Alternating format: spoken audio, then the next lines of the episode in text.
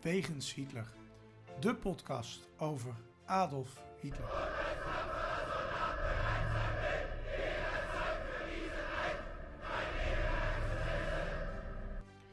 Dictator, alleenheerser van 1933 tot 1945. Een man met miljoenen doden op zijn geweten. Das war ein Befehl! Der Angriff Steiners war ein Befehl! Een man waar ongelooflijk veel verhalen over te vertellen zijn. Ook al die jaren na zijn dood. Adolf Hitler heute Nachmittag seinen Befehlsstand in der Reichskanzlei bis zum letzten Atemzuge gegen den Bolschewismus kämpfen für Deutschland gefallen ist. In deze podcast gaan Sjoerd de Boer en Niels van Andel de wegen van Hitler af. Ze kijken naar bijzondere plekken, naar vroeger, naar nu. En ontdekken samen met de luisteraar het bijzondere verhaal van de Führer van Nazi Duitsland. Een nieuwe week, een, een nieuwe wegens Hitler. We hebben een ehm, aantal eh, mokken weg te geven. Hè? We hebben er drie, geloof ik. Bas Vos, Wout van Olst en Joop van de Plas. Die krijgen een mok. Nee, van de pas. van de Pas over de, Plas. Van de Plas. Ik, dacht, ik denk meteen aan uh, Carolien.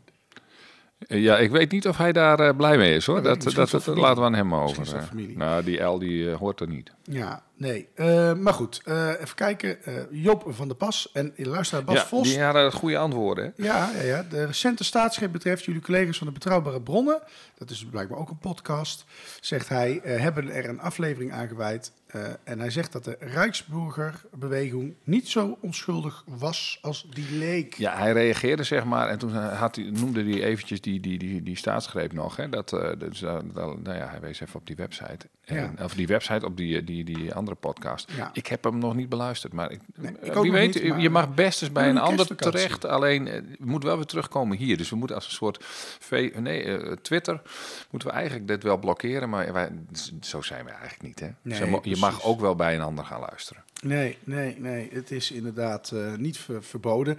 Eh, maar mocht, mochten wij aan de macht komen, dan weten wij wel wat tactieken hoe we dat eh Ja, ja, dat kunnen we ook, dat gaan we ook niet bespreken. Die Nee, zijn, nee, nee. nee. Nou, gefeliciteerd met jullie mok. Hij komt na de kerst jullie kant op. Ehm, en dan nou, hebben we ze weer verdeeld, hè, geloof ik. De drie luisteraars hebben dan een mok. En het nieuwe jaar gaan we dat weer opnieuw doen een keer. Ehm, we hebben volgens mij een volle aflevering. genoeg te vertellen. Ehm, eh, trouwens, onze luisteraars luisteren dit op... Tenminste, hij komt online op eh, tweede kerstdag. Dus Ja. eh, vrolijk kerstfeest. Hè? Vrolijk kerstfeest. Ja, ja, jij ook. En, En, eh, ja, een beetje nieuwjaar, een beetje... Ja, een beetje nieuwjaar, een beetje kerst. Het is een beetje mix deze aflevering. Kerst hebben we al een keer uitvoerig gehad, hè? Dus Ja, maar het is Ja. toch het thema, hè? ja, toch weer het thema. ja. Dus we gaan het toch weer proberen. En daarom gaan wij snel naar het eerste onderdeel. Hitlers dagboek.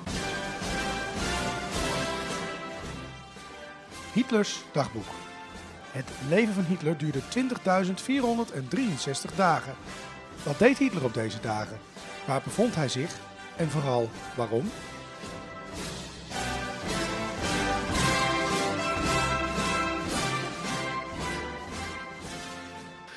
Oké, we gaan het hebben over Hitler tijdens de kerst. Ja. Eh, een beetje oud en nieuw stap ik er ook bij. Ehm, ik doe even een paar voorbeelden uit zijn leven. Ja. En we beginnen bij de dood van Adolfs moeder. Dus om het een beetje gezellig te houden. Eh, meteen een heftig moment voor de jongen. Ja, precies. Echt, eh, echt sfeervol kerstmoment. Ja, en hij heeft hem ook echt geraakt. Dus de, en toen was hij nog geen crimineel. Dus dat is op zich wel. Dat is natuurlijk een sneu verhaal. Ehm, eh, eh, het is 1907 en Adolfs moeder sterft op de 23 december. En dat is dus vlak voor de kerst. Ehm, en ze wordt dan vlak voor de kerst begraven. Dus kerst heeft ook een soort van, van nou ja, idee van ja, dat is wel het moment dat mijn moeder overleed. Ehm, voor zover hij nog enig gevoel had uiteindelijk. Maar goed, dat is een ander verhaal. Eh, ik stap met grote, eh, eh, grote stappen door de geschiedenis heen. We gaan naar de kerst in de Eerste Wereldoorlog. Ja. 1914, 1915. Is dat die beruchte kerst van de wapenstilstand? Ja, dat is wel in het begin van, van, van de Eerste Wereldoorlog geweest. Dus, dus of hij daar dan bij betrokken is, is weer een ander verhaal. Hij zit in ieder geval achter de linies en viert daar dan, dan, dan nou ja, vro- een vrolijk kerstfeest. Hij zit daar sowieso redelijk comfortabel. vervolgens niet zo comfortabel dat hij er eh, zonder gewond te, eh, te raken uitkomt. Want de kerst in 1916, die brengt hij dan weer door op een andere plek. Ehm, hij is gewond geraakt in oktober in Le Barque, ergens in, in, Noord-Frankrijk. Eh, Daar valt een granaat eh, op die schuilplek eh, bij de ingang in de buurt waar hij dan toevallig ligt te slapen met een stel anderen. En dan raakt hij gewond in zijn dij. Eh, dan gaat hij naar Belitz, dat is onder Berlijn. En daar zit een heel groot ziekenhuiscomplex en daar sterkt hij dan aan. En daar, eh, nou, daar, is hij dan, eh, daar brengt hij dan zeg maar, de kerst in 1916 brengt hij door in de buurt van Berlijn. Overigens, een aanrader voor Berlijngangers. Eh, Kijk eens eventjes naar het eh, boomkronenpad in Belitz. Dan ga je met een trap omhoog tussen de bomen en dan loop je tussen het oude complex eh, van het ziekenhuis door. Aan de overkant van de weg is het helemaal hersteld en hier zie je ruïnes van het ziekenhuis. Ehm, het is een oud ziekenhuis dat, nou ja, voor, voor dit onderwerp, daar is ook eh, zwaar gevochten aan het eind van de oorlog tussen de Russen en de, en, en, en, en, en, en, en de Duitsers. Dus daar zie je van alles nog. En dat is wel, en, het is ook gewoon mooi. Je bent bovenaan de toppen van bomen. Dus dat, nou ja, als je dat toch bent.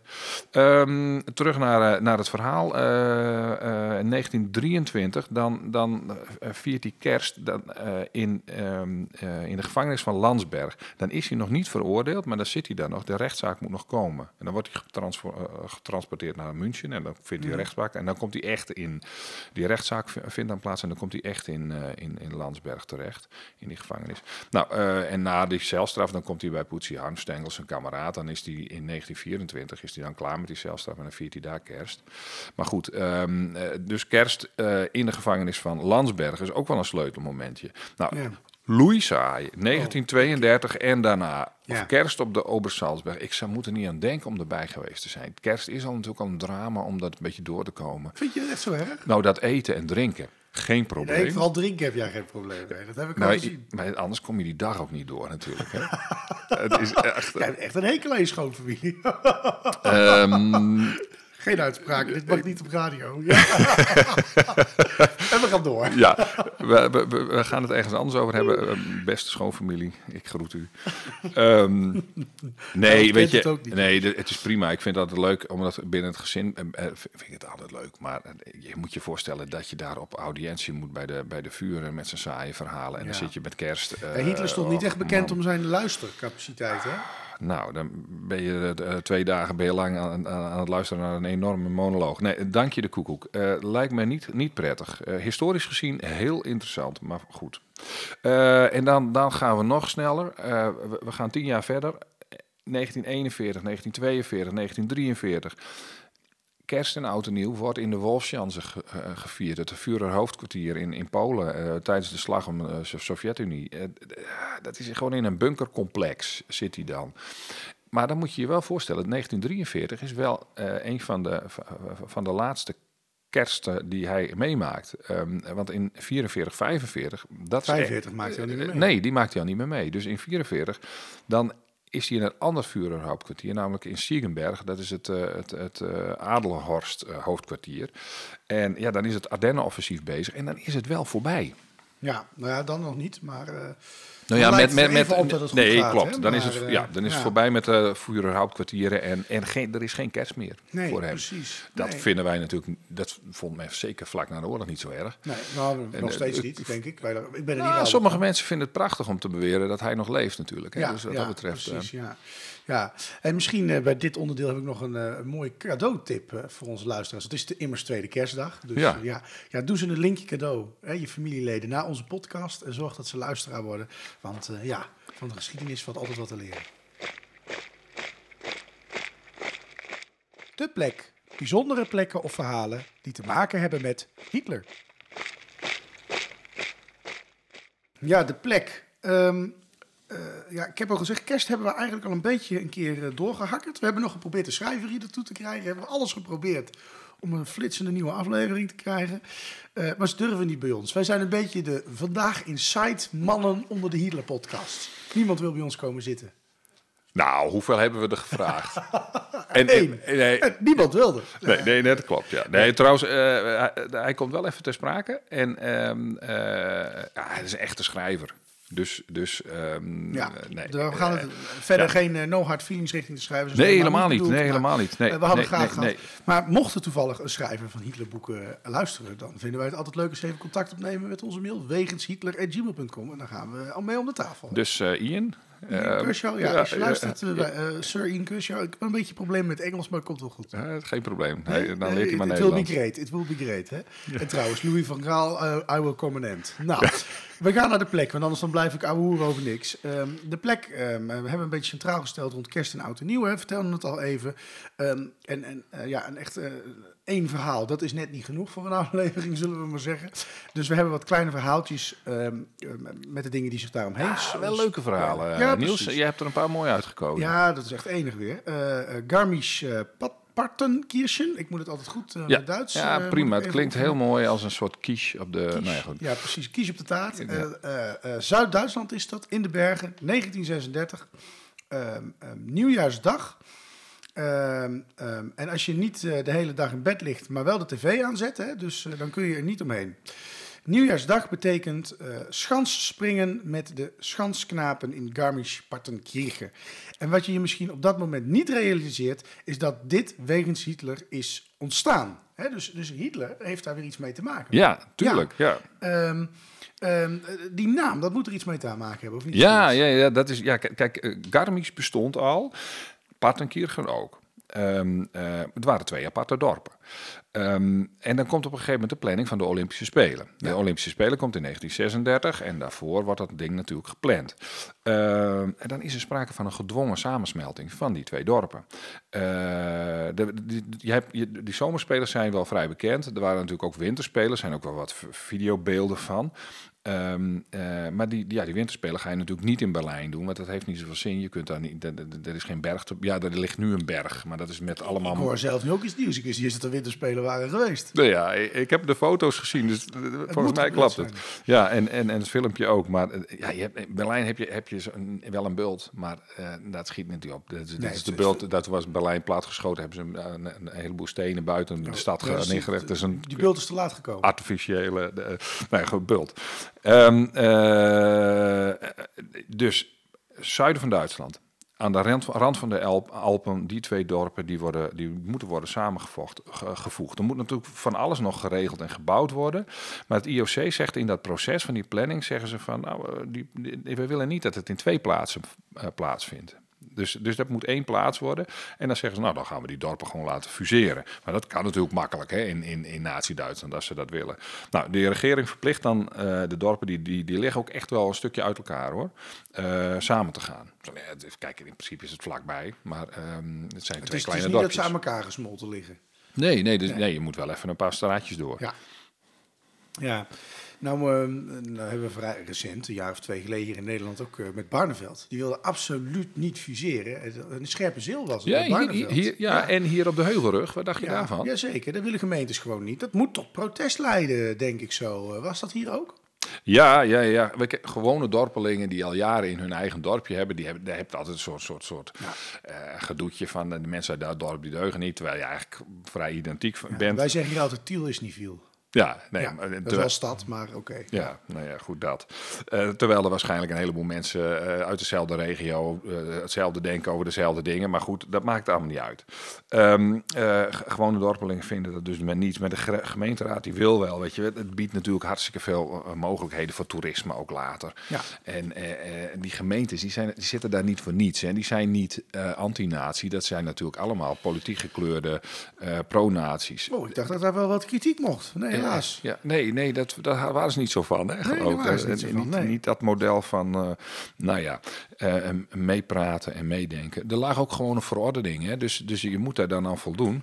Eh, en weet je, Duitsland moest een eenheid uitstralen. Dat is natuurlijk ehm, eh, wat men wilde. Dat, los van het feit trouwens dat, dat, dat de IOC daar denk ik volgens mij toch gewoon achter zat. Daarom, dat, dat is natuurlijk het, de, de basis van dat hele verhaal. Die fusie heeft gewoon wat druk nodig. Nodig. En dat, dat zie je dan in Nederland ook. En eh, kijk, de regering die zette die druk ook. En, en die bewon- bewoners wisten dat ook wel. Dat je, je moest niet te veel protesteren, want dat was gewoon linkersoep. En dan, dan, dan, dan zeiden ze ook van ja, dan, pas op, want je, je bent zo in dag houden. Ik, lag, ik las linkse soep. Ik was heel benieuwd wat je ging vertellen. ja, ja, ja. Ja, nee, nee, nee, nee.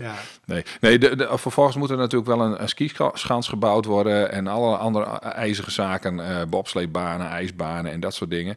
Eh, maar het heeft uiteindelijk wel tot effect gehad dat, dat, dat, dat Garmisch-Partenkirchen eh, de naam is, de eh, samengevoegde naam, die jaarlijks tijdens de, de eh, op, op 1 januari op tv is. dus, dus zeg maar wegens Hitler. Ja, dan hebben we die toch gevonden. Ehm, ehm, van het Garmisch-Partenkirchen, eh, ik moet het goed zeggen, eh, vliegen wij eh, naar de invasiestranden in Normandië. Dus we gaan echt even een stukje... Ja, we gaan even. Ja, ja. richting Het, het westen is dat, hè? Ja, richting het westen. Ehm, ehm, tijdens de jaarwisseling van 43-44, dus let wel voor de invasie, hè, is het daar gewoon nog rustig. Aan de overkant van het kanaal wordt druk voorbereid op een inval. Ehm, die kust wordt wel streng bewaakt. Hè? De Atlantic Wall ja. ligt daar. Ehm, ehm, maar toch, eh, het is rustig die avond. En veel van de Duitse wachtposten die vieren gewoon gezellig met elkaar oud en nieuw. En dat was handig voor de geallieerden, lijkt me. Ja, dat, ze waren wat van plan namelijk. Ja. Eh, sowieso, ze waren bezig met voorbereiden. Er- Er komt een invasie aan, dus je moet, je moet aan informatie komen. En, eh, ja, dan- dus je, je, je verzamelt kaarten, je verzamelt foto's. Je, je hebt contact met, eh met de verzetstrijders. En die verzetstrijders die, die, die, die geven je informatie. Maar dat was niet genoeg, want ze wilden nog iets extra's. Kijk, er, er, moest, er moesten niet alleen soldaten aan, aan wal komen. Er moest ook, ook zwaar materieel moest daar, moest daar naartoe. Dus hoe zit dat? Nou waren ze in Berlijn al aardig bezig geweest om te testen wat de, hoe de bodemkwaliteit was voor die megalomane gebouw die ze daarin wilden zetten. Ja. Maar de Britten die dachten van ja, eh, wij moeten ook even weten dat we of we met onze tankjes en on- onze materialen daar, daarover eh, op dat strand kunnen landen. Dus je hebt bodemonderzoek nodig. Ja. Voor bodemonderzoek heb je materiaal nodig. En dan Ja. komen we bij een verhaaltje. Dat is een verhaal van twee Britse soldaten. En die worden die oudejaarsnacht, dus hè, verderop wordt er gefeest, in een klein bootje naar de kust van Frankrijk gebracht. En iedereen die de film Soldaat van Oranje wel eens gezien heeft, die kan zich daar een beeld bij voorstellen, denk ik. Of eh, misschien wel die musical heeft gezien. Ik denk dat heel Nederland hem trouwens inmiddels gezien moet hebben. Zo lang speelt hij al. Ik ben de enige die het niet gezien Nee, heeft. nou, Sjoerd, dat gaan wij dan doen. Maar eh, goed. nee, ik ga niet naar musicals. Oh, jammer. Een paar honderd meter voor de kust klimmen ze eh, in het water. Hè? Want je kunt niet zo'n boot rustig even naar de zee varen, want dan valt het veel op natuurlijk. Ehm, eh, ze hebben rubberen pakken aan tegen de kou, want het is niet echt warm in de winter. Eh, het waren koude winters, die oorlog, dus dat zal nu niet beter zijn. Zwemmen dus naar de kust, ontdekten daar ehm, dat het daar rustig is en nemen ja, eigenlijk gewoon een paar van die bodemmonsters. Hè? Dus niemand ziet ze. Ehm, de Duitsers vieren ondertussen in de bunkers en in hun hoofdkwartieren gezellig feest. Eh, eh, zingen vrolijke kerstfeest of zo. Eh, gelukkig nieuwjaar is het dan alweer. Ehm, die Britten die zwemmen rustig terug. Missie geslaagd. En men kan gaan uitzoeken of eh, de tanks kunnen landen in Normandië. Ja, ja en, het, en het grappige is dan dat ze nog een keer gaan. Want eh, eh, nou ja, de, de- de- ze, ze, ze hadden nu, nu hadden ze vastgesteld, nou, bepaalde voertuigen kunnen erop. En ze wilden ook nog een paar kleine tanks wilden ze, wilden ze proberen. Van, kunnen we dat ook nog regelen? Dus die, die gaan dan vervolgens natuurlijk niet met oud en nieuw. Hè? Dus dat vind ik wel weer opvallend. Het is tactisch wel handig om dat met oud en nieuw te doen. Maar die tweede missie, die kon niet opnieuw oud en nieuw zijn. Want wat jij net al zei, in juni 1944 eh, eh, vindt, eh, vindt, vindt de, de invasie plaats. Ja. Ehm, daar geweest zijnde gaan we even weer naar een andere plek. We, hebben de stranden gehad. We gaan naar Berlijn terug. 1945. Nou, onze luisteraars weten, dat is het eh, finale jaar voor het Derde Rijk. Eh, het is bijna voorbij. Eh, slag om eh, de Ardennen is verloren. Eh, de geallieerden eh, die hebben die stad plat gebombardeerd. Daar was het ons ook bekend om. Ehm, woonwijken liggen in puin eh, door die Britse bombardementen. Ehm, de Russen die zijn nog niet echt in de buurt. Hè. Ze zijn nog wel ver, Ja. maar 500 kilometer verderop. Ik, eh, nou ja, Ja. het is volgens mij van hier naar Parijs. Dat is ook niet echt ver meer. Hè? Nee. dat is, nee, Nee, dat is, dat is, is- dat is vijf uurtjes ja, rijden als je een beetje gas geeft. Dus het is, eh, nou, het begint wel spannend te worden. Het is dus winter. Ehm, de extreem koude winter, hè, die winter van 44, 45. Mhm. Hongerswinter in Nederland, gaan we het nog een keer over hebben. Er is ook honger in de stad daar in Berlijn. Men is bang, kan ik me voorstellen, voor de Russen. Er komen ook verhalen van de propagandamachines, hè, van de verschrikkingen die gebeuren aan de grenzen Ja, van ja, het ja. voormalige Duitsland. Het was ook niet best. Het was ook niet best, die Russen. Zeker waren voor de, niet echt vrou- lievertjes. voor de vrouwen zeker nee, niet. Nee, nee, nee. Dus die verhalen gaan rond. Dat werd trouwens ook expres gedaan hè, door het propagandaministerie... om zo het verzet tegen die Russen toch nog een beetje op peil te houden. Eh, want je kunt op een gegeven moment ook denken, het is voorbij. Want tegen de Amerikanen werd bijvoorbeeld veel minder verzet geboden als je kijkt. Ja, ja. Daar gaven ze graag aan over. ja. Eh, maar dat was even een zijpaadje. Maar er gebeurt er iets bijzonders. Want mensen zijn bang. en je zou dan denken op zo'n moment, je wil de leider horen. De leider van het Mhm. Rijk. Maar Hitler die is eigenlijk al een tijdje stil. Sinds de succes eh, een beetje ophouden, is hij vreemd genoeg niet meer zoveel in het publiek. Nee. Ja, nee, daar herkennen we iemand van. Maar goed, dan is het nieuwjaarsdag. En dan gebeurt er iets bijzonders. Zijn stem klinkt via de radio. We weten wat de Anglo-Amerikaanse staatsmannen willen doen met het Derde Rijk. Welke plannen de bolsjevistische heersers en de interna- internationale Joden die er uiteindelijk achter zitten hebben, hebben met het Duitse volk. Binnen enkele jaren zal de Nationaal-Socialistische Staat met zijn energie en zijn initiatief alles herbouwen wat heden vernietigd is. Onze steden worden machtiger en mooier dan ooit tevoren. De verwoeste lege kazernes maken plaats voor gezondere huizen voor Duitsers. Ja. Die uitspraken die me een beetje denken aan de analyse van Ian Kershaw. Trouwens, bedankt voor jouw eh, innemen van de rol van Adolf Hitler. Ja, Ik doe het niet zo, ik doe het niet zo flitsend als, als, als de man zelf, maar goed. Nee. Maar goed, Ian die zegt op een gegeven moment iets. Hè. Die zegt dat Hitler het kapitalisme uit het eh, Westen en het bolsjewisme, het communisme dus, hè, Ja, het bolsjewisme werd hij genoemd, op één hoop gooit met de Joden. Dus eerst waren de Joden het kwaad, toen waren de bolsjewisten het probleem en nu zijn ook de kapitalisten het probleem. En allemaal is dat één pot nat. Ja, Allemaal ook een Joods complot natuurlijk, hè, want dat zit er uiteindelijk echt achter. ja, ja eh, eh, eh. Marx, hè, Marx, eh, eh, eh, Russische revolutie en weet ik veel wat allemaal. eh, de- de- was een Jood natuurlijk. Ja. Dus dat, dat heeft daar een verhaal bij. Ja, dus, dus, dus je ziet dat zijn, nou ja, zijn ideeën en ook sowieso zijn, zijn, zijn realiteitszin lijkt ook wat weg te, te zijn. Hè? Want je hoort hem hier van alles zeggen. Ehm, maar de- wat mij vooral verbaast is, hij zegt gewoon dus eigenlijk, ik ga de boel herstellen. Ja, Ja, in 45, hè, dat is de laatste vier maanden. Nou, dat leger dat stelt feitelijk al niks meer voor. Dat is verslagen. Of het stelt nog wat voor, maar ja, dat gaat winnen is Ja, onmogelijk. nee. Ehm, eh, op de puinhopen van het Derde Rijk zou een machtiger en mooier rijk gebouwd worden. Ehm, dat wat je eigenlijk een beetje qua luxe zou kunnen voorstellen als het latere West-Duitsland. Maar dat had weinig te maken met Hitler. Nee, nee, nee, nee, dat was in, tegen wil en dank eh, Ja. moesten ze dat opbouwen, ja, inderdaad. Ja, ik had ook zo'n zo'n vervelende gedachte. Zeg maar dat je eh, op basis van zo'n verhaal, eh, je kunt er van alles in leggen. Hè, dat je ook bijvoorbeeld de Koude Oorlog, zou je een soort bewijs kunnen zien van Hitlers voorspelling. Van dat die tweespalt tussen, tussen het communisme en het kapitalisme, tussen de Russen en de Amerikanen en, en, en, en, en tussen de volken. Dus eigenlijk eh, door de Joden eh, nog steeds eh, te- te- eh, veroorzaakt was. Dat zou je, zou je kunnen zeggen op basis van, van het, eh, nou ja, de oorlog stopt, dan wordt het niet vrede. Eh, nou ja, goed, dat. Ik vind het trouwens een onzinnig idee hoor, maar ik moest er even aan denken van eh, hoe had Hitler dat gebruikt? Nou, waarschijnlijk op zo'n manier, weet je wel, dat, door dat weer goed te lullen.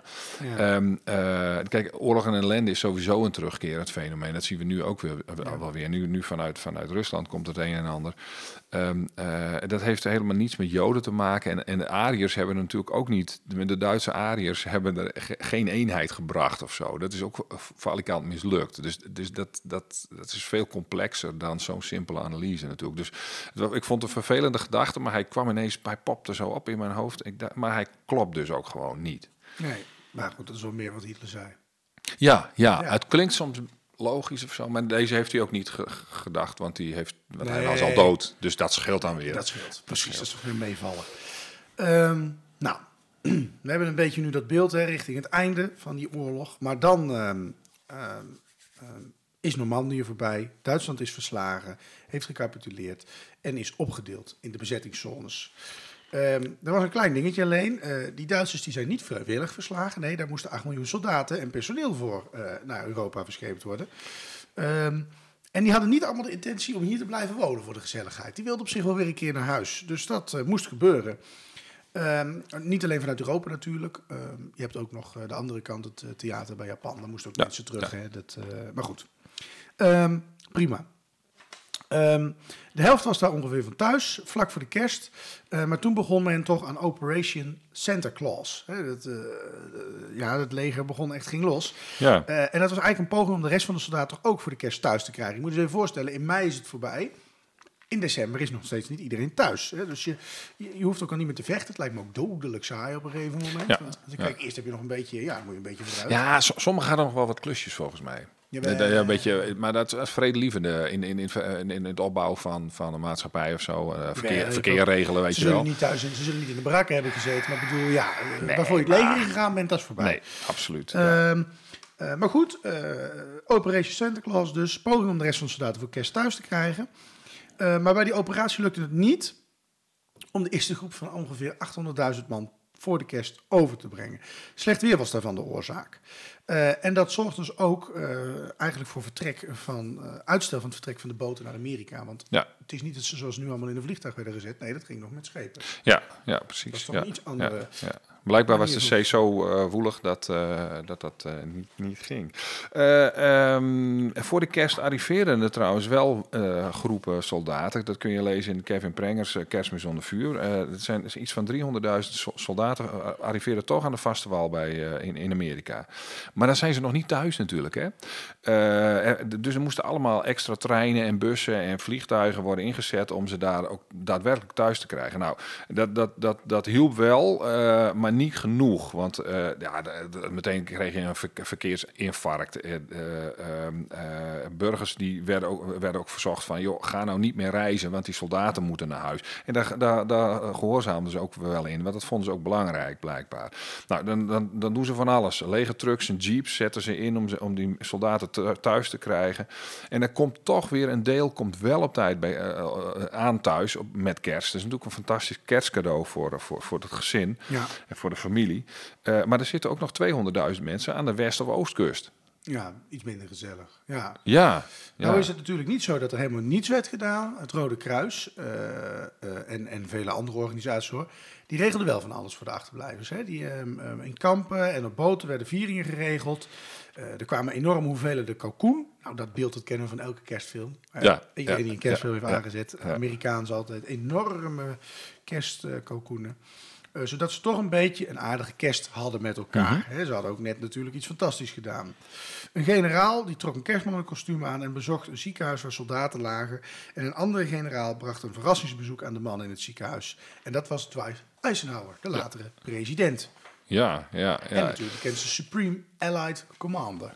Het, het moet trouwens gezellig zijn geweest in die kuststadjes, eh, begreep ik, eh, van het verhaal. Eh, de- Ze die soldaten die hoefden niet in, in, hun, in hun, of waar ze dan ook maar verbleven te blijven, in die boten te blijven zitten. Dan ging, ze kregen verlofpasjes en dan gingen ze naar kerstviering of een nachtmis of naar familie in de buurt. Dat kan natuurlijk ook nog. Hè. Die schrijver van Kerstmis zonder vuur vertelt zelfs over een truckchauffeur die soldaten naar huis bracht. En dat zou tijdens, hij zou tijdens die kerst iets van, van duizend kilometer hebben gereden. Eh, en tussendoor moest hij natuurlijk allemaal mensen wegbrengen. Dus eh, nou ja, goed, dat, dat, dat had hij ervoor over. Zijn kerst ging er misschien een beetje aan, maar die van, hij, hij bracht die mensen eh, eh, eh, toch thuis bij hun familie. Nou, er waren er nog wel daarna nog een 2,1 miljoen soldaten in het buitenland. En er werd ook vaak iets voor geregeld. Bijvoorbeeld kerstbomen versierd met pingpongballetjes in India. En natuurlijk komt daar ook weer kalkoen naartoe. Ehm, dat- is niet echt wegens Hitler, hè, want India had natuurlijk wat minder met Hitler te maken dan, dan, dan, dan Europa. Ehm, maar toch, weet je, er worden kerstliederen gezongen, er, er, er, worden films, eh, er zijn shows, er zijn kerkdiensten. En die mannen die worden wel vermaakt of, of gevoed met voedsel of met, met geestelijke dingen. Dus ze waren er wel mee bezig. Ja. Ehm, in Tokio hè, werd bijvoorbeeld, dat is dan door de Japanners, maar prima, eh, anderhalf miljoen pond kalkoen. Nou, dat is veel hoor. Ik kan me er eh, kan me niet eens een beeld bij voorstellen hoeveel van die beesten dat moeten zijn. Eh, nee, Eh 112.000 eh, eh, ruim pond fruitcake werd er gestuurd. In Cairo, dat was al even bevrijd, wilden soldaten zelfs een feest voor vluchtelingenkinderen. En op bijna elke plek waar Amerikanen zaten, zowel in Europa, Azië, denk ook aan Moskou, hè, daar zaten ze toch ook wel, ehm, eh, werd wel iets met kerst gedaan.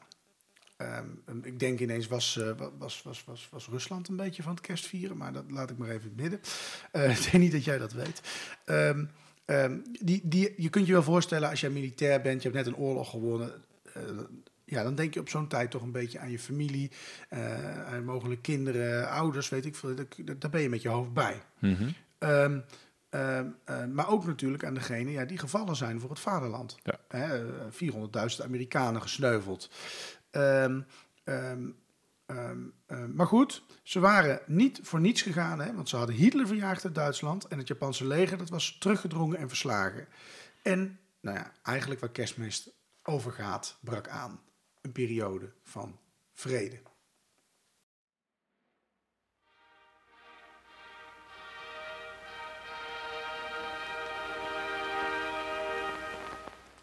Het Nazi-journaal. Bijna dagelijks is er nog wel iets te vinden over Hitler. Hij is in het nieuws, er is een stuk in de krant, een tweet, een interview of een nieuw boek. We bespreken het in het Nazi-journaal.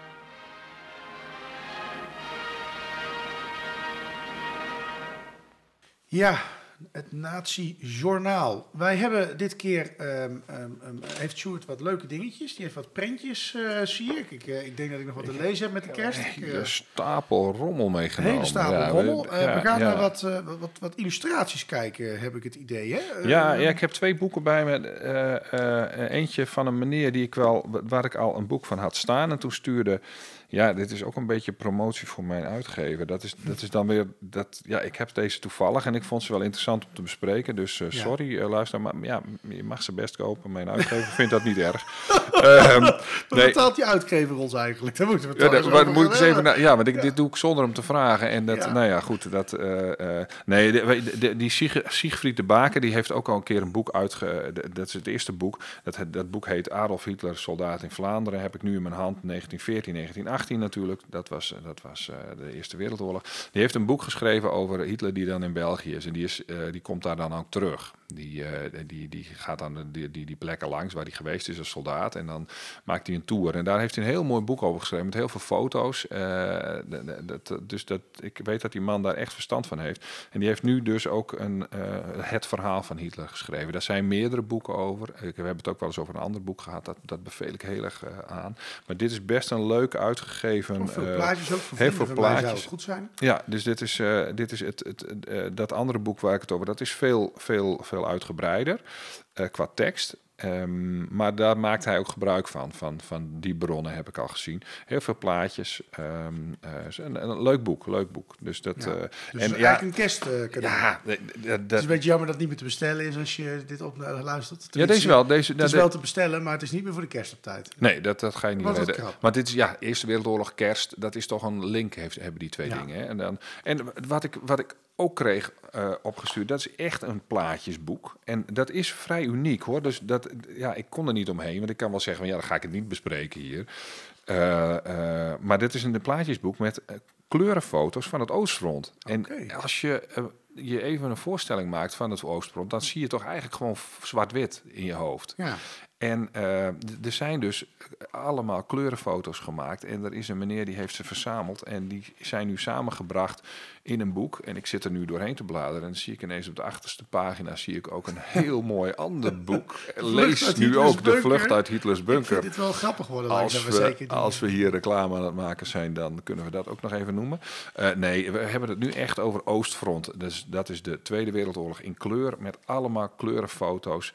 Duitse troepen bij een, bij een oud huisje eh, in, eh, in, in Greppels liggen ze hier. Ehm, nou ja, kapotgeschoten dorpje. Eh, ja, eh, nou, best best interessant voor de, voor de plaatjeskijker. Eh, hebben we nog meer eh, behoefte aan, eh, aan boeken of aan eh, voorbeelden? Of zeggen we van, uh, houden we ermee op? Nou, ik, eh, boeken eh, ben ik wel aan toe, dus ik eh, ben benieuwd. Eh, Nou ja, ik deze heb hier niet ontbreken. deze die, die, hebben, die hebben we vandaag gebruikt. Kerstmis onder vuur van Kervin Prenger. Daar hebben we nu genoeg over verteld. Maar ik heb deze ook. Ja, dit Wat- heeft niks met onze podcast te maken. Vond ik toch wel. Ja, We- luisteraars weten nog steeds niet hoe het heet, maar dat maakt niet uit. Hoe heet het? dit boek heet De Mannen van Poetin. eh, Van Catherine Belton. Ehm, Ja. Poetin zonder Hitler is eigenlijk in dit boek, als, als je dit boek leest, Ja. eh, een, een beetje ondenkbaar. Wegens Hitler hebben, we, hebben we deze constructie van Poetin. Wat is namelijk het geval? Zij vertelt, in, ik zou het boek eigenlijk stiekem niet kopen. Oh. Eh, want het is heel stug en er vallen heel veel namen. Maar het eerste stuk is heel interessant. Poetin die zit namelijk, waar zit hij? Eh, in de DDR in het begin van zijn carrière. En in de DDR, daar voeren ze de dingen uit die een beetje de basis zijn van, van wat ze nog steeds doen. Eh, eh, de- de- de- onderzoek doen naar eh, de bedrijven, geldstromen regelen, zeg maar, voor die bedrijven, zodat ze invloed hebben. Een beetje spionage doen. Maar die DDR is ontstaan wegens Hitler zeggen we dan altijd, als gevolg van de, van, van, van, van de eh, eh, Tweede Wereldoorlog. En, en, en Hitlers inbreng en het feit dat, dat Rusland en Amerika zo tegen elkaar, eh, nou ja, dat is toch eigenlijk een soort van wegens Hitler. Dat hele verhaal En Poetin boek en dat Cadeautje van de Oekraïne. Führer noem je dat ook, hè? Het laatste cadeautje van Hitler is eigenlijk de opsplitsing tussen Oost en West. Ja, dat ja, is een frank cadeau, maar... Ja, daarom. Dus, dus, dus het is helemaal. En, en je ziet in zo'n dictator toch weer van die dingen terug. Hij, hij- het gaat ook weer over hetzelfde gebied waar hij nu mee bezig is. Oekraïne, altijd de Sjaak natuurlijk daar. Die hele Ja. hoek is, eh, het is, het is een drama. Maar goed, eh, dus vandaar dat ik hem toch even noem. Ja, En, nee, eh, prima. Maar er is nog meer, zie ik. Ja, het houdt niet op. ik kreeg van een collega van, van, van, van mijn vrouw, die kreeg ik een stapeltje boekjes en dat is allemaal heel mysterieus. Ehm, eh, ik, nou, Het is ook niet meer te koop, denk ik, als ik er zo naar kijk. Nee, en het komt. Nee, het, het, gekke is, ik, wil, ik wilde zeggen, dat komt uit een bron waarvan je denkt, nou, dat klopt niet helemaal in de zin. Het- dus het is mooi dat iemand dat verzameld heeft. Maar ehm, er staat gewoon niet in waar, wie het gedrukt heeft. Dus dat Kan wordt. het nog van de nazi-partij zelf zijn? Daar Ja, oud nou, zo, niet uit. zo- sowieso. Dit is een boekje uit eh, 1941. Dit is een, een, een in het Nederlands gedrukte reden van Adolf Hitler ter gelegenheid van de achtste verjaardag van, het Nationaal van de eh, Nationaal Revo- eh, Socialistische Revolutie. Acht jaar, dan moet je even vanaf 41 terugrekenen, 1933. Dus dat is zeg maar vanaf het moment. Je kunt ook naar de 1923 teruggaan of weet ik veel wat. Maar dit is echt vanaf het begin dat ze aan het bewind zijn. En dat is, dat is een reden in de Sportpalast. Sportpalast bestaat niet meer. Er staat wel een groot flatgebouw met, met, met een verwijzing naar die naam. Eh, 30 januari 1941. Ja, ehm, eh, eh, ik heb trouwens twee van die boekjes. eh, met die reden. Met, eh, dus we- we- eh, iemand die geïnteresseerd is, als we daar nog een goede vraag voor eh, kunnen bedenken. Dan, Nou, dat gaan we eh, dan doen. Het nieuwe jaar. Dan hebben wij een mooi cadeau hebben wij een cadeautje. ja. Dat, is, dat, is, eh, dat is wel een reden van Hitler. Dus het ma- mag geen politiek getint figuur zijn. Nee. Alleen wel, dan moet je even Thierry vertellen. mag niet meedoen. Nee, je moet wel even vertellen op welke partij je stemt als je dan eh, als je, als dat boekje. Als je- dat kunnen wil hebben. We kunnen heb- niet tegen de stemwet in. Maar eh, Eh, ik heb trouw gezworen aan de grondwet, Sjoerd. Dat kan ik helaas niet eh, toestaan. Nee. hoezo? Nee. Hij heeft stemgeheim in Nederland, hè? Ja, maar dat interesseert me. Dan krijg je het boekje niet. Bedoel, dat is het enige wat ik vraag. Hè? Dat is het enige wat ik vraag. Ik, ik ben niet moeilijk. Nee goed. Nou, en er ligt wat meer op mijn stapeltje. Ik, ik heb hier, dat vond ik ook een gek boekje. Staat ook weer eh, in Den Haag in 1939 moet het gedrukt zijn, voor de oorlog dus. Maar het is een eh, Hitler stap voor stap, 1933 tot 1939. En het zou vertaald zijn uit de Times van 26 eh, september 1939. Maar nou blader ik daarin om. En misschien is dat een leuke. Maar iemand misschien kent misschien dit, dit boekje. Daar, daar staat dan pas achterin staat een verhaal vanuit de Times over, over Hitler. En dat is wel kritisch. Maar daarvoor staat een heel verhaal over, eh, van Hitler zelf, volgens mij. Dit is, dit is een van de eh, redenvoeringen van, eh, van Hitler. En dat wordt dan puntsgewijs helemaal, nou ja, verteld. Ehm, ik, ik was benieuwd wie de bron daarvan was. Dat moet gewoon iets journalistiek zijn. Ja. En je moet het wel, het, je moet het hele boekje wel lezen, wil je de boodschap krijgen. Van dat er wel wat. Nietzsche-collega, eh, ja, ja, nou Ja. Dat mag ook. Stof komt dus dat is een, eh, dat, dat soort boekjes. Eh, Ja, en dan eh, ja, Landverraders, een, een boekje. nog een redenvoering in, het, in, het, in het Sportpalast. Het zou wel een keer interessant zijn om die redenvoeringen, zover die te zijn. Er moeten ook boekjes, meer boekjes Ja, zijn. zijn er daar eens een keer een aantal door van te, Ja, te, hakkeren voor een leuke special. Nou, wat vind je van deze? Dit is, dit is de laatste die ik even laat zien. NSB, Nationaal Beweging in Nederland. Programma met toelichting. Nou. Hartstikke leuk om te krijgen, weet je wel. Ik bedoel, eh, het is vervelend dat, dat, dat die partij ooit eh, eh, bestaan heeft, maar ik heb het boekje in ieder geval. 1931 Utrecht, eh 44ste tot zes- eh, 64ste duizendtal. Er zijn er aardig wat van verkocht. Ik zou ervoor tekenen. Ja, Maar ja. goed, eh, toen las men nog... voor de podcast. Nou, het is dan ook wel een dun, lullig boekje, Ja, ik hoor. wou net zeggen, de leerlingen zouden dit op school pakken als eh, leesboek. Ja, ja, ik denk dat ze naar één, één, één eh, leidend beginsel, als ze dat al lazen, zouden ze al afhaken. Ja. Eh, wat betekent dat? Eh heel leuk stapel boekjes. Ja. Met eh, onduidelijke drukker. Ja, van de NSB is het trouwens volstrekt duidelijk waar die, eh, Ja. waar die eh, vandaan kwam. Nou, ja. interessant. Leuk om, eh, zeker de boeken die te bestellen zijn, eh, is met eh, de vakantie die eh, velen zullen hebben, eh, nog eens door te lezen. En daarmee komen we aan het einde van dit onderdeel en gaan we snel naar het laatste onderdeel van nu naar vroeger. Van nu naar vroeger. Wat speelt er nu in ons nieuws en hoe zat dat in de tijd van Hitler?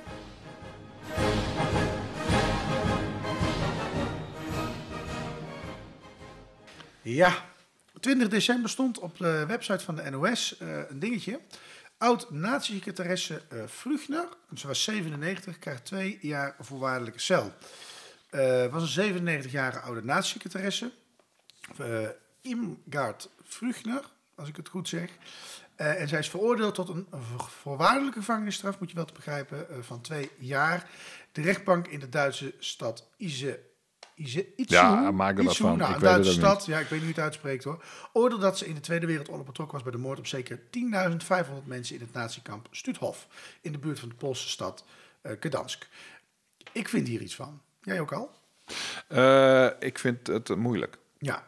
Nou, ik vind vooral als je 10.500 mensen twee jaar voorwaardelijk. Maar goed, we gaan nog even door. Eh, ja, nee, ja. We gaan het er zo wel even Ja, over hebben, denk ik. ik ga vind het complex. Ja, ik ga nog even door met het artikel, want anders dan vergeet ik de helft te vertellen. En dat zou voor de luisteraars die het niet gevolgd hebben, zijn jammer zijn. Eh, zij was van 43 tot 45 secretaresse van Paul Werner Hoppe, het hoofd van het kamp Stuuthof. Uit historisch onderzoek is gebleken dat ze een typiste, als typiste verantwoordelijk was voor alle correspondentie van Hoppe. Overledenen, overlevenden van het kamp hebben tegen haar getuigd. Nou, dat is al heel wat, dat ze nog leven überhaupt. De officier van justitie zei op een eerdere zitting dat Vlugner een van de kleine radertjes in de moordmachine was. Ze wist dat ze administratief werk deed voor Hoppe, waarmee ze bijdroeg aan het functioneren van het kamp. Vanuit haar kantoor zou ze het kamp hebben kunnen overzien en in de lucht hebben geroken van de lichamen die verbrand werden in de crematoria. Tegen de oud-secretaresse was ook twee jaar voorwaardelijk geëist. Ze is veroordeeld volgens het jeugdrecht, omdat ze tijdens het misdrijven 18 jaar oud was. Nou, Ja, het ja, ze is veroordeeld dus. ja. En ik, ik was nog wel, ehm, ik was nog wel aan het zoeken, want ik, de secretaresse die eh typewerk verricht, ehm, ja, wat moet ik daar precies mee? Er waren er veel meer van. Eh, en wat is daarmee gebeurd? Daar zijn dingen mee gebeurd natuurlijk, maar ik, ik kon heel weinig over haar vinden. Wat, eh, er waren wat persberichten. En wat, ik wel vond, is dat zeg maar op 18-jarige leeftijd begon zij dus eh, als typiste in die vernietigingskampen. En, en dat verhaal van die gehele eh, eh, correspondentie, die is door haar handen gegaan. Dat gaat dus over, over die slavenarbeiders in concentratiekampen. En die werden daar geco- gecoördineerd. Dat heeft ze dus allemaal gelezen. Kon dus die, die dingen, die, die, die, die, die, die, eh, die, barakkers zien staan. Nou, dat vind ik nogal wat. Ja. Eh, het, en dan beweert ze wel dat ze niks over die moorden heeft gehoord. dat, dat, dat, is wel, dat is wel een goeie. Dus, nou ja, goed. Eh Wat deden medeplichtigheid. volgens haar al die mensen naartoe dan? Ja, ik, Ja, ik vraag me een hele hoop af. Ja, maar goed, ja. De aanklacht is medeplichtigheid aan moord in 11.387 gevallen en medeplichtigheid aan een poging tot moord in 7 gevallen. Die laatste 7 vind ik essentieel. Wat, is, wat was daar? En dat kon ik dus niet vinden. Wie het weet. Eh, eh, heel, ja, ja, nou, ja, nee, ja, maar goed, vert- vertel het. Eh, ik, ik ben heel, ik ben, Ja. ik, ik vind het ook een moeilijke discussie, want wie waren er zeg maar schuldig na de oorlog? Dit is natuurlijk geen, geen mevrouw die hoog in de boom zat. Nee, dit is iemand die gewoon bevelen uitvoert. Maar ja, het lastige daarvan is natuurlijk wel... dat kun je ook van een soldaat zeggen. Die deed ook maar wat hij deed. Een SS'er deed ook maar wat hem werd bevolen. Ja. Maar die deed, dus die zijn ook veroordeeld. Dus ik snap de veroordeling wel. Ik vind het een beetje een milde straf. Dat hij voorwaardelijk is vooral. Dat je twee Ja. jaar zegt, eh, omdat je maar een laag radertje bent... Ja. vind ik als schuren. Maar waarom wordt die vrouw niet nog gewoon... Ja, ja dan zit je tot je dood in de cel. Jammer joh. Ja, dat, nou, Je bent er al vrij ja. vanaf gekomen, vind ik. Ja, weet ik niet. Maar het is ook wel een hele lastige. Hè? Want eh, ze hebben heel veel. Er zijn heel veel eh, vrouwen ook eh, die in de kring van Hitler eh, zaten. Die zijn ook in kampen terechtgekomen. Die hebt het denazificatieproces heb je ook gehad. En dat duurde ook wel even. Dus dan, dat, was, dat was helemaal geen, een- niet per se een, eh, een pretje, zeg maar. Eh, eh, het was niet zo erg als wat de Duitsers deden. Maar Nee. eh, dan, dan, werd er wel wat. En dan werd helemaal uitgezocht van waar je, waar je op dat moment stond. Eh, wat, op wat, wat op dat moment eh, eh, de grootste misdadigers waren, die gingen bijvoorbeeld, de allergrootste gingen naar Nuremberg. En blijkbaar zat zij er niet tussen, of is, nee, ze is nooit gevonden volgens mij. Ehm, eh, ja, dat vind ik, ik vind dat nog steeds een, een, een, een lastig gegeven. Wa- Want wie wel, wie niet. Je kunt niet iedereen namelijk opsluiten. Eh, als je echt heel eerlijk wilde gaan kijken, in Duitsland had de helft de gevangenis in gemoeten. Ja, daar, had, daar, had- daar hadden wel heel veel mensen. Want er zaten natuurlijk ook mensen die waren daar waren lokaal betrokken. En die hebben daar iets mee te maken gehad. Er was een, een, een truckchauffeur die dat ook wist. Die daar misschien voedsel naartoe bracht. En dan heel weinig voedsel misschien. Maar eh, die, die, die, die ergens eh, iets regelde. Of hoe, is het, hoe is het gegaan met die, met die bewaking die daar rondliep. Eh, eh, nou ja, daar zijn natuurlijk wel mensen van, zeker die zich misdroegen. Die hebben flinke straffen gehad. Beulen. Ze was geen beul. Maar hoe zat dat met die met die zeven gevallen waarbij ze, eh, eh, eh, waarbij ze misschien ook betrokken medeplichtigheid aan moord. Hoe zit dat? Want dan zeg ik van, oh, maar wacht eens even, dat mag wel wat meer. Maar, en toch was ze dus schuldig genoeg om haar zo te veroordelen. Dat zegt de rechter. Dus ik, ik, ik, dan is het weinig. Dus snap je, is, is- ik, snap, ik vind jouw Ja. punt, vind ik, eh, maar ik vind het ook verwarrend. En eh, eh, je mag ze voor mij eh, eh, opsluiten, daar heb ik geen last van. Dan had je me niet zo stom moeten zijn, je had weg moeten rennen. Maar het is principeloos. Maar eh, het, het is ook een hele, vergelijkend vind ik hem heel lastig. Ja. ja, het is ook lastig natuurlijk. En, ja, Maar de rechter heeft erover geoordeeld en die heeft dit gezegd. eh, eh, nou ja, ze krijgt in ieder geval straf. Nou, ja, ja een, een strafblad. Maar ja, heb je zeven jaar. Aan de andere kant, hoeveel gerechtigheid haal je nog na 60 jaar? Nou, dat is ook weer zo'n ding. 70 ja. jaar. Dat is 80 jaar geleden onderhand. Ja. Nou, dat is het al eigenlijk Ja. trouwens. ja, is het niet te laat? Ja, maar ja, ja, het lastige is een beetje. ehm, ik heb het ook altijd met verjaren van zaken. Je hebt de dingen die verjaren bijvoorbeeld. Dat vind ik altijd heel raar, want je hebt een misdrijf begaan. En waarom zou dat verjaren, weet je wel? Voor sommige slachtoffers verjaart die pijn natuurlijk Nee. niet. Als daar echt nog mensen zijn die in het kamp hebben gezeten, die hebben die... die- ja, ik heb nooit in zo'n kamp gezeten, maar ik kan me voorstellen dat je daar nog Ja. s'nachts wakker van kan liggen. Nog Nee, ja, nee, voor de rechter verjaart het dus blijkbaar niet. Nee. Want hij doet dat Nee, alsnog. doet. Dus dan is, er ook, dan is er ook Als recht zij daar gerechtigheid aan voelen, dan is het voor mij prima. Ja. ja, zoveel jaren heeft ze waarschijnlijk ook niet meer op die leeftijd. Dus wat dat betreft... eh eh, nou ja, goed, ik ben helemaal niet pro, eh, ik, pro eh, eh, het is deze, deze vrouw, maar ik vind, hem, ik vind hem heel lastig. hebben dus Ja. een uitzending gemaakt, geloof ik, hè, over nou, ja, toch wel redelijk hoge naties die toch in, het, in, in West-Duitsland weer behoorlijke functies kregen ook. Eh, Nou. Ook in Oost-Duitsland. Dat ook, ja. En ja, wat heeft zo'n secretaresse? Weet jij wat met de secretaresse van Hitler zelf bijvoorbeeld? Nou, die, die, hebben, die, hebben dus, die zijn in, in dat soort kampen terechtgekomen. Voor het, eh, Maar zijn die daarna ver- veroordeeld? Zijn die nog in gevangenis geweest? Nou, dat ligt er ook een beetje. Sommigen gingen naar, zaten in het oosten en eh, die, die ze hebben daar vastgezeten gewoon een tijd lang. eh, en, en daarna zijn ze vrijgelaten en dan werden ze in het westen ook niet meer eh, eh, vervolgd of zo. Dus Nee. Ja, je zou het even moeten uitzoeken wat die allemaal hebben gekregen. Hè, voor, ja, eh, nou, die trouwde want- want eh, die- jongen bijvoorbeeld. Trouwde die, die, die, die, die, die, die eh, bekeert zich, zeg maar. Die, die vindt het allemaal heel erg later. Alleen, die heeft dus wel het testament van Hitler zitten intikken. En daar gaat hij nog eens een keer volledig tekeer eh op de Joden. En Terwijl hij bijna dood is.